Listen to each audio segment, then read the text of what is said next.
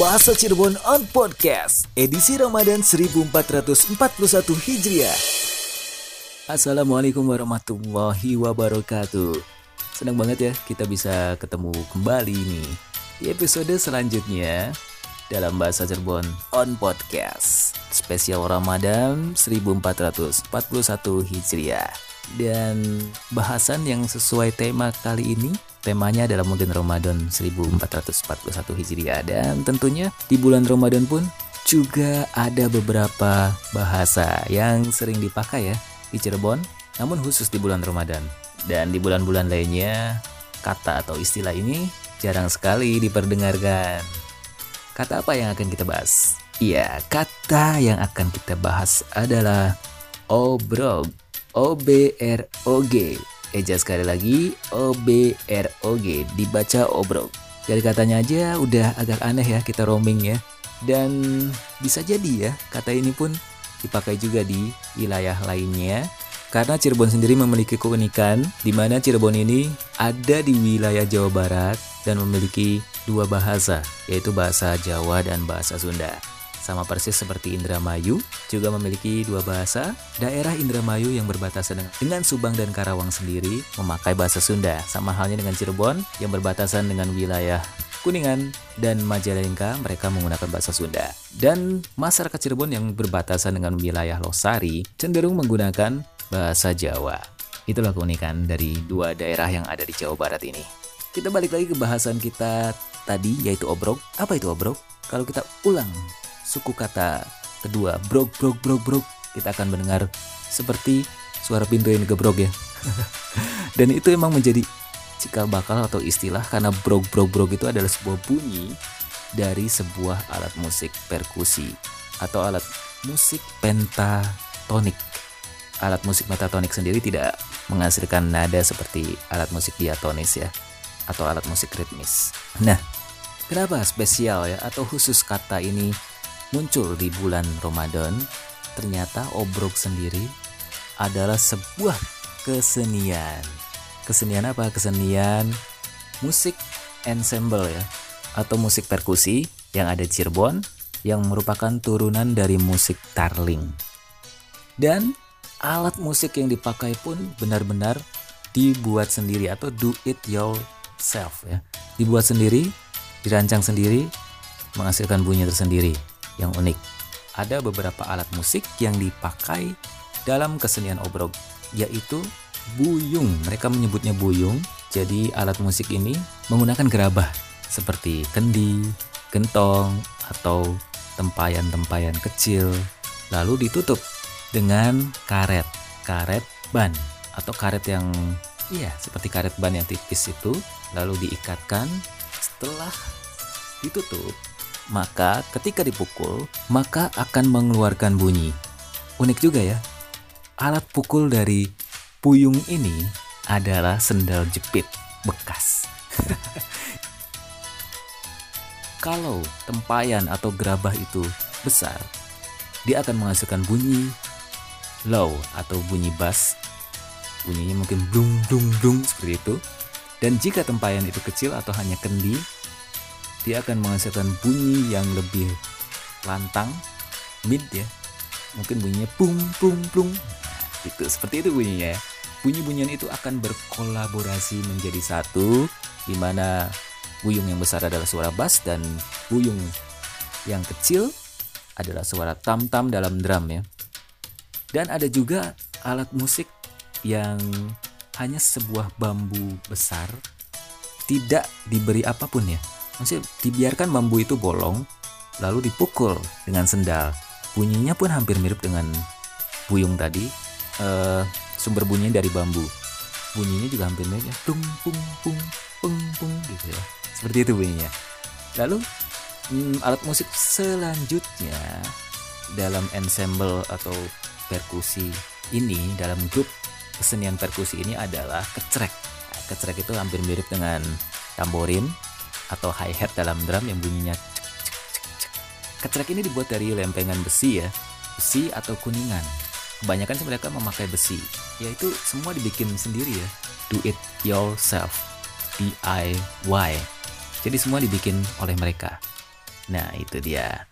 Jadi bunyinya adalah trek trek trek itu adalah lempengan besi sekitar ada 5 atau 10 yang ditusuk dimasukkan ke dalam kawat kawat lalu kawat itu atau atau dipaku dipaku e, lempengan besi itu yang dasarnya adalah kayu lalu dipukul dipukul dengan ya bisa besi atau bisa alat pukulnya adalah kayu nah ini uniknya para pemain kesenian obrok ini adalah para muda-mudi bahkan anak-anak pun sudah bisa memainkan musik obrok ini.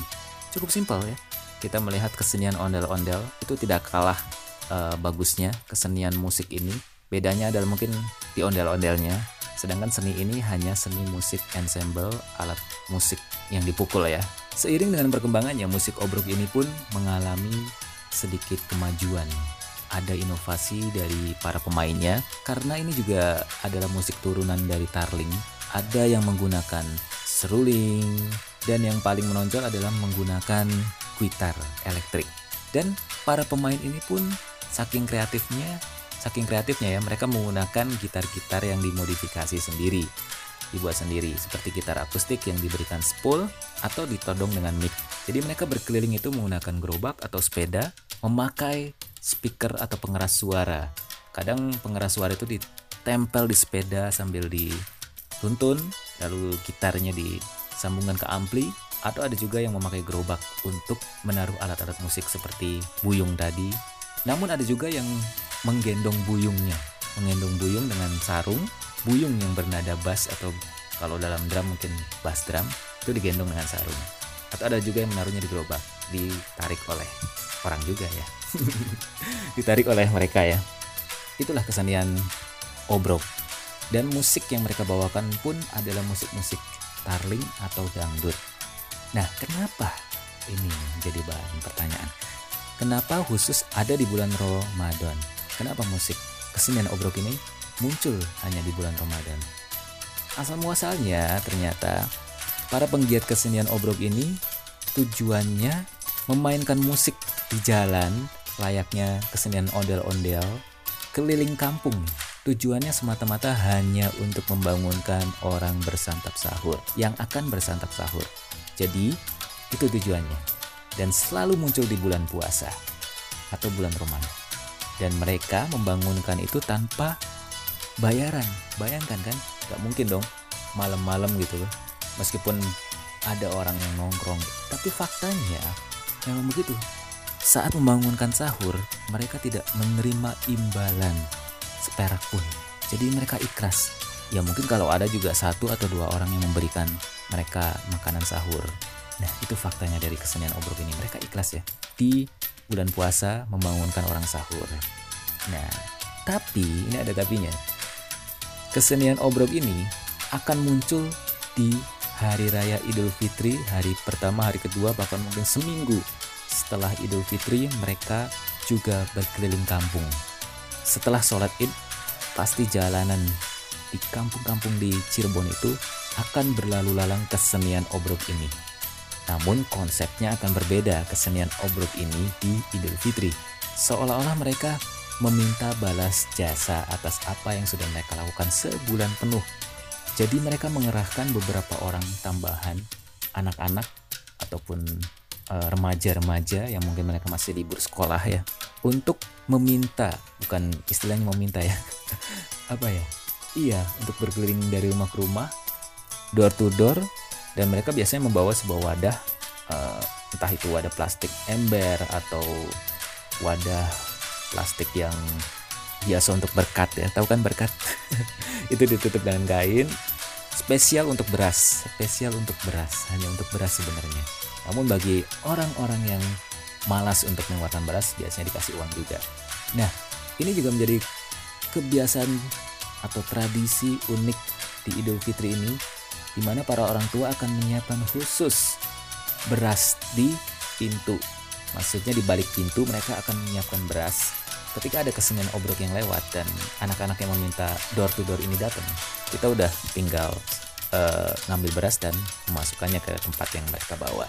Nah itu. Jadi itulah justru mereka dibayar saat Idul Fitri tiba. Dan biasanya setelah terkumpul, beras-beras itu kan disatukan dalam satu wadah karung. Biasanya ada pengumpul berasnya. Di belakang dia khusus membawa sepeda atau apa untuk mengangkut beras itu. Setelah selesai mereka berkeliling, beras-beras itu akan dibagikan, akan dikumpulkan dan para pemain musik sekaligus mereka yang meminta beras dari rumah ke rumah door to door itu akan mendapatkan bagiannya rata ya justru kadang ya pemain musik itu lebih sedikit daripada punggawa-punggawa yang membawa wadah untuk beras itu.